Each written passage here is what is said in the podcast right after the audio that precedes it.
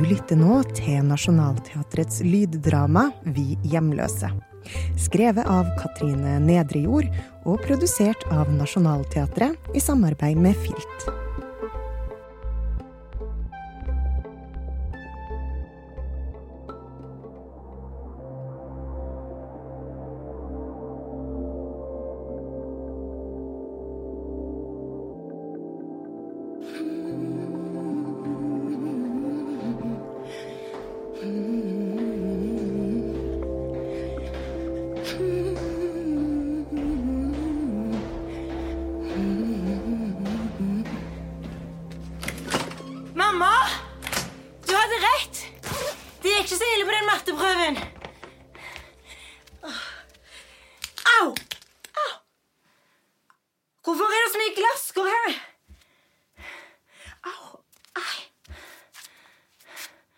Hvorfor er det så mye rot her?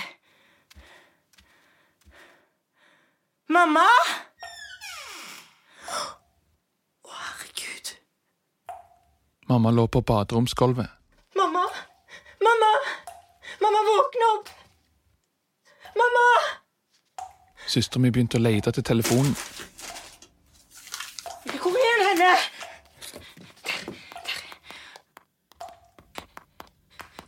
Det ikke? Hva er nummeret? Jeg burde ha gjort noe. Søstera mi var for unge, men jeg burde ha gjort noe. Eller pappa. Kanskje han burde gjort noe?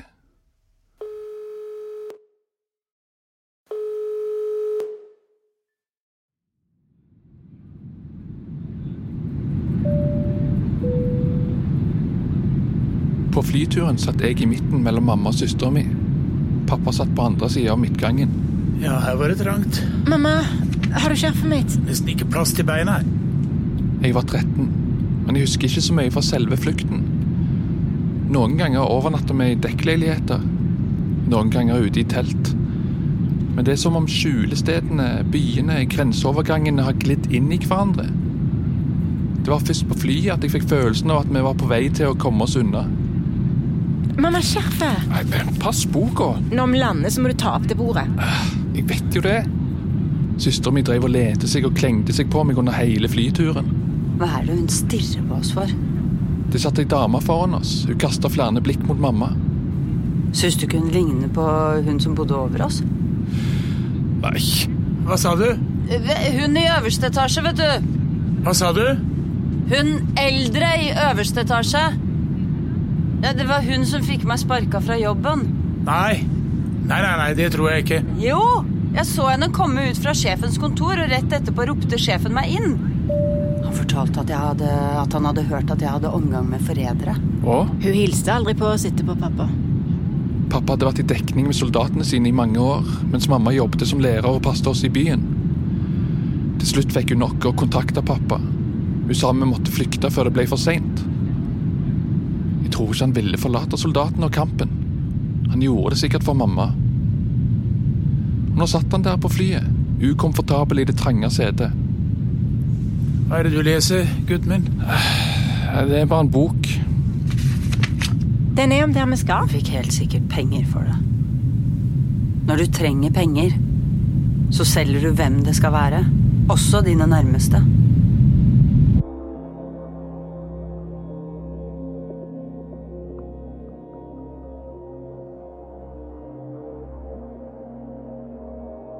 Vi ble møtt på flyplassen av ei dame med en bunke papirer under armen. Hun snakket til oss på det nye språket, så vi forsto ingenting. Det var den samme dama som kjørte oss til leiligheten som skulle bli vårt nye hjem. I en bil som var like grå som himmelen over oss. Det var masse trær og Men nesten ikke folk i gatene. Vi kom til et område med flere blokker. Dama pekte mot en av de. Hun låste oss inn i den tomme leiligheten med hvite vegger. Viste oss rundt fra rom til rom mens hun snakket på språket sitt. Ja, leiligheten er mindre enn jeg trodde. Nå er det stor nok. Det kan bli fint her. Du må ikke le av dama. Hun snakker så rart. Hva sier hun nå? Jeg vet ikke, det er vel noe med det rommet der. Spør ikke meg. Nei, du skjønner jo ikke mer enn meg. Dama viste oss inn til vaskerommet. Det sto en svær vaskemaskin der som hun pekte på, mens hun sa masse ord. Men den der kan jeg faktisk bruke. Si det til henne, at jeg vet hvordan man bruker en sånn. Jeg vet jo ikke hvordan. Gjør du vel? Du som er så flink. Hvor gikk jentungen? Hun sprang bare inn på et av de andre rommene. Kom tilbake! Det lukter så rart. Du kan ikke bare løpe av sted. Det stinker jo, mamma. De bruker bare en annen såpe enn oss. Hvorfor fortsetter dama å snakke om maskinen?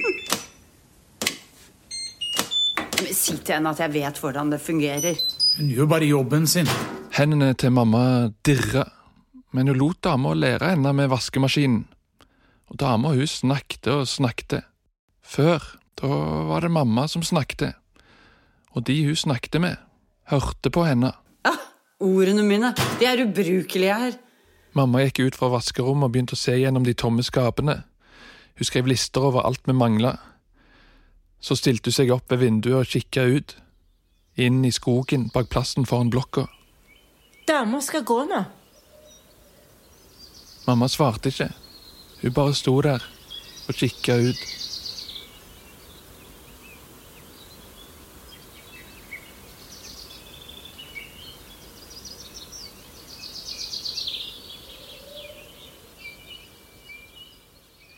Ja, ja. Jo, men tror du... Vi, tar, vi tar, må ta det fra denne siden. da. Men nå kommer jo hjørnet her ut forbi. Nei, Nei, da, men ja. vi skal, vi skal vi litt på etterpå. Oi.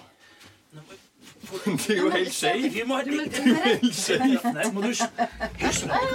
Vi må ha det i sentrert først, og så skal vi ta det utover det går. Hjelp meg å dra litt. Det er tungt sånn. Det er ikke sko inne. Enda et nytt teppe. Hvem er hun du leker med? Hvem er hun? Du mener Alice. Hva mer heter hun enn Alice? Jeg vet ikke. Er foreldrene hennes herfra? Vet ikke. Hva jobber de med? Jeg har ikke spurt. Du tar med Alice hit, så vi får hilse på henne. Spør Alice noe om oss? Aldri. Ikke om hva vi heter. Jeg sier ingenting, mamma. Men hvis hun spør Så sier jeg at vi kom hit for å tjene penger, at vi var drittlei av å være fattige, og at pappa lærer seg språket for å kunne selge kebab. Nei, Er det sånn du snakker om oss? Og at vi må passes for myndighetene, for de er onde. Au! Slipp armen min!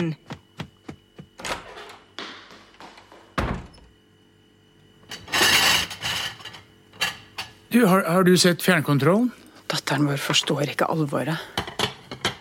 Hun skulle sett hva som skjedde med de som prøvde å lyve til regimet. Jeg måtte holde spedbarnet til en av kvinnene mens de tok henne. Ja, jeg skal ta en prat med henne seinere. Hun sto der og var for redd til å gråte. Jeg måtte holde barnet hennes mens de kledde av henne. Hvor har vi den teen, da? Vil du også ha te, gutten min? Jeg sto og så på teppet. Noen ganger var det beroligende å se på. Andre ganger kunne mønstre gli inn i hverandre og se ut som eksplosjoner.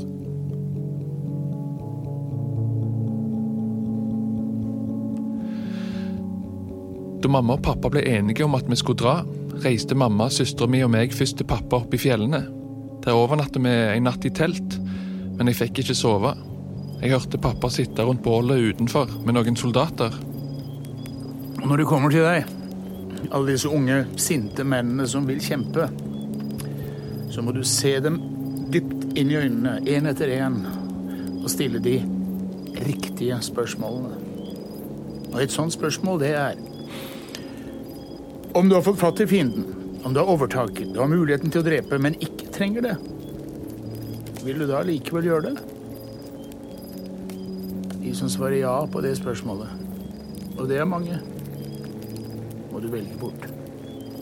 Jeg begynte å svette. Det verste er ikke regimet.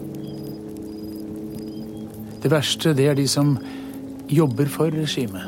I det skjulte. Forræderne. Og de er overalt. Men før eller senere avslører de seg. Det knitra i glørne. Jeg husker hvordan vi pleide å sitte rundt bålet og drikke varm te med svære sukkerbeder i. Det hadde en sånn egen smak som jeg aldri har funnet igjen. Og når du avslører forrædere, begynner de å be om nåde. Men du må ikke la deg lure av bønnene deres.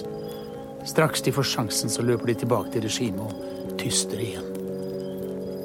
Du må glemme hvor gamle de er, hva de heter, hvem de er, hvem de er i familie med, når du skal skyte. Ellers kan du lett begynne å skjelve på hånda. Bomme.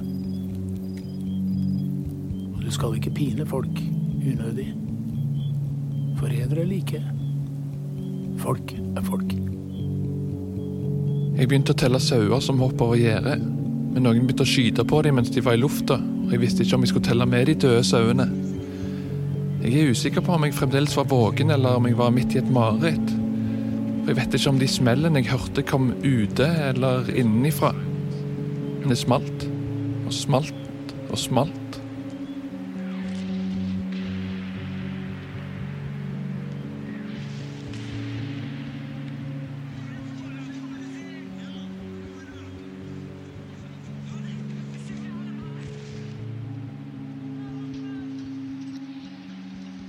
Hei, mamma. Slutta språkkurset tidlig i dag? Vi satt ofte og så på TV de kveldene hun var på språkkurs. Han kan ikke snakke sånn til oss. Hvem? Vi skulle lære hva kreve betyr. Og så sier læreren å kreve, det er det dere gjør. Dere kommer hit og krever. Går til sosialkontoret og krever penger. Sa han det? Jeg reiste meg og sa til de andre, hører dere ikke hva han sier? Han gjør narr av oss. Han ydmyker oss. Og hva sa de andre? De lo. Å ja, det var en spøk. Du lever på våre penger, sa han. Han mente jo ikke sånn. Lever på våre penger? Vi har jo ikke krevd noen ting. Og så kaller han meg for snylter. Det var vi som ga til tiggerne. Du kalte han deg virkelig for snylter? Han står der foran oss og ser en gruppe. Men jeg er ikke en gruppe. Jeg er meg. Jeg gråt ikke i fengselet engang. Jeg sa fra. Jeg sa fra jeg, da de slo. Hvem? Kom, vi vi går på rommet og, og spiller. Du sier jo at jeg aldri får være på rommet ditt. I kveld får du lov. Jeg jeg. Nei, du må, du må trykke opp, og så runding. Nei, opp! Opp! Jobben, men der var jeg i det minste. Opp, opp, opp. Trikant runding. Opp, trikant runding. Trikant. opp, runding, trikant. gjør det! Gi meg, gi Jeg måtte holde barnet hennes mens de kledde av henne. Mamma fortsatte på språkkurset, men det ble sjeldnere at du satt på kjøkkenet og gjorde lekser. Det ble sikkert ikke lettere av at vi lærte språket og landet å kjenne mye raskere enn henne. mm, det lukter godt. Ser du hva som står skrevet her? Jeg s- står pynt. Hva, hva betyr det? Pynt? Pynt, vel. Ja. Men da skolen skulle sette meg inn i syvende klasse, selv om jeg egentlig skulle begynt i niende, våkna noe i henne. Du gjør jo ikke noe annet enn å lese. Jeg er ikke bra nok til å begynne i niende. Ikke brus før middag. Hvem sier det? Folka på skolen, vel. De på skolen sier det om deg.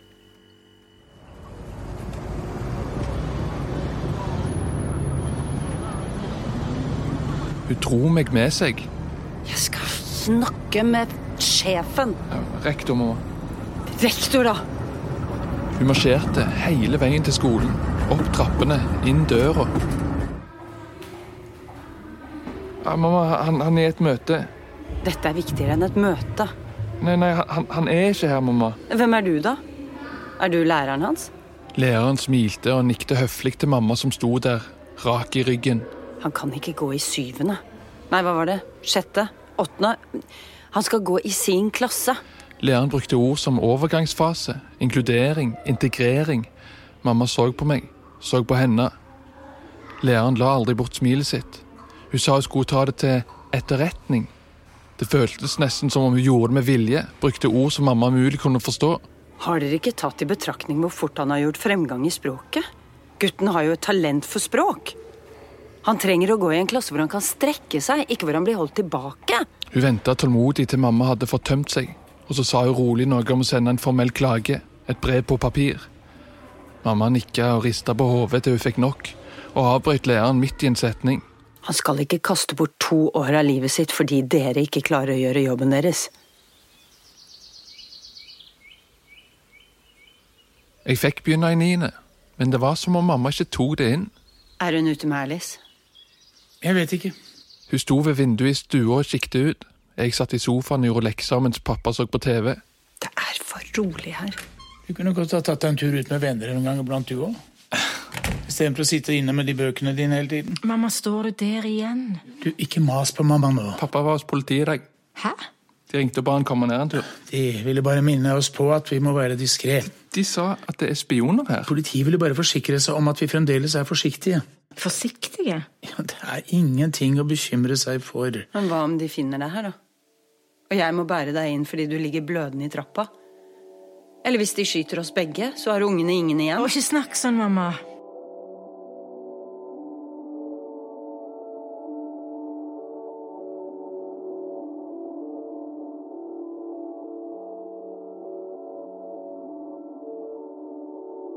I den gamle leiligheten vår, i bakhagen, hadde mamma planta opp urter, bær og grønnsaker som hun var veldig nøye med.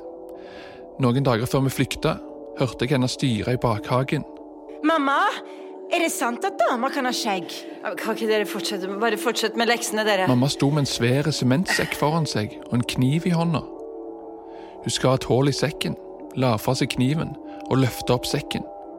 Hun mista nesten balansen fordi den var så tung. Så begynte hun å helle sement utover alle plantene. Mamma!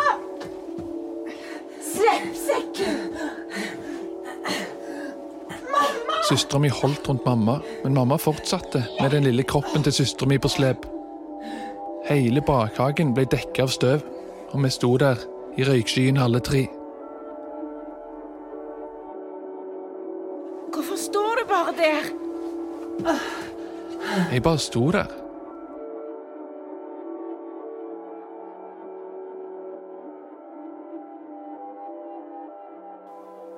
Læreren på språkkurset sier Mamma sto foran vinduet og mumla for seg sjøl. Vil, du ikke ha litt å spise? Pappa mente hun trengte å spise mer, hvile, Hvorfor tok de aldri meg? sove. Når blir det min tur? Men en dag snudde det. Jeg og søstera mi satt i stua og gjorde lekser mens pappa leste i avisen. Hvem vil ha? Mamma kom ut fra kjøkkenet med te. Så flinke dere er. Er det matteleksene, lille venn? Tror ikke det kommer til å gå noe bra på den prøven i morgen. Jo, det er klart det gjør. Kan ikke du hjelpe henne litt, du? Ja. Jeg tenkte at du sikkert hadde hatt det fint på språkkurset. At du endelig følte at du forsto mer av hva de sa. Pappa så på mamma. De smilte til hverandre. Takk, kjære. Det var godt. Sender du sukkerbitene, mamma? Det smaker akkurat som hjemme i den gamle leiligheten. Ja, tenk at du husker det. Mamma ble stående og kikke på oss. Så store dere er blitt.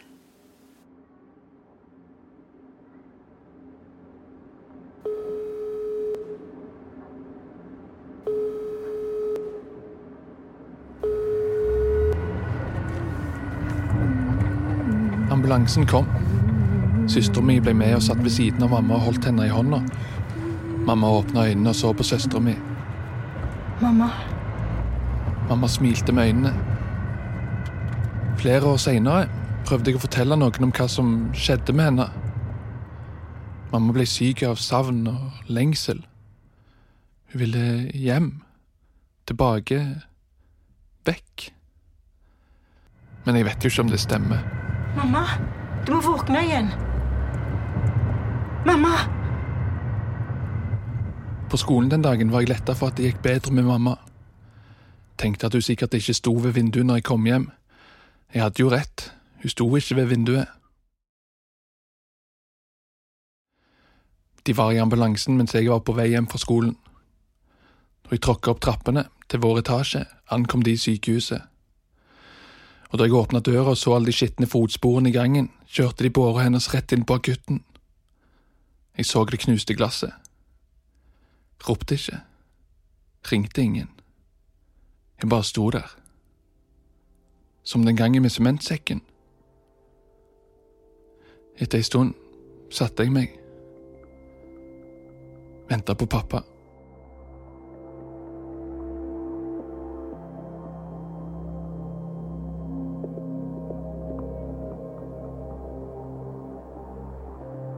Takk for at du lytta til Vi hjemløse. Skrevet av Katrine Nedrejord og produsert av Nationaltheatret i samarbeid med Filt. I rollen som kvinna møtte du Petronella Barker. Mannen ble spilt av Per Frisch. Dattera av Selome Emnetu og sønnen av Kim Falk. Regien var ved Kim Falk. Musikk og lyddesign av Sven Erga. Klipp av Tine Eide. Lydtekniker var Cato Langnes. Produsent var Anne-Gerd Grimsby Horr. Prosjektleder Peter Daatland. Manus- og regikonsulent Eva Staff. Mer informasjon om forestillinger og arrangementer finner du på nasjonalteatret.no. Og følg oss gjerne også på sosiale medier for mer innhold produsert på, bak og rundt scenen. Håper vi ses snart i teatret.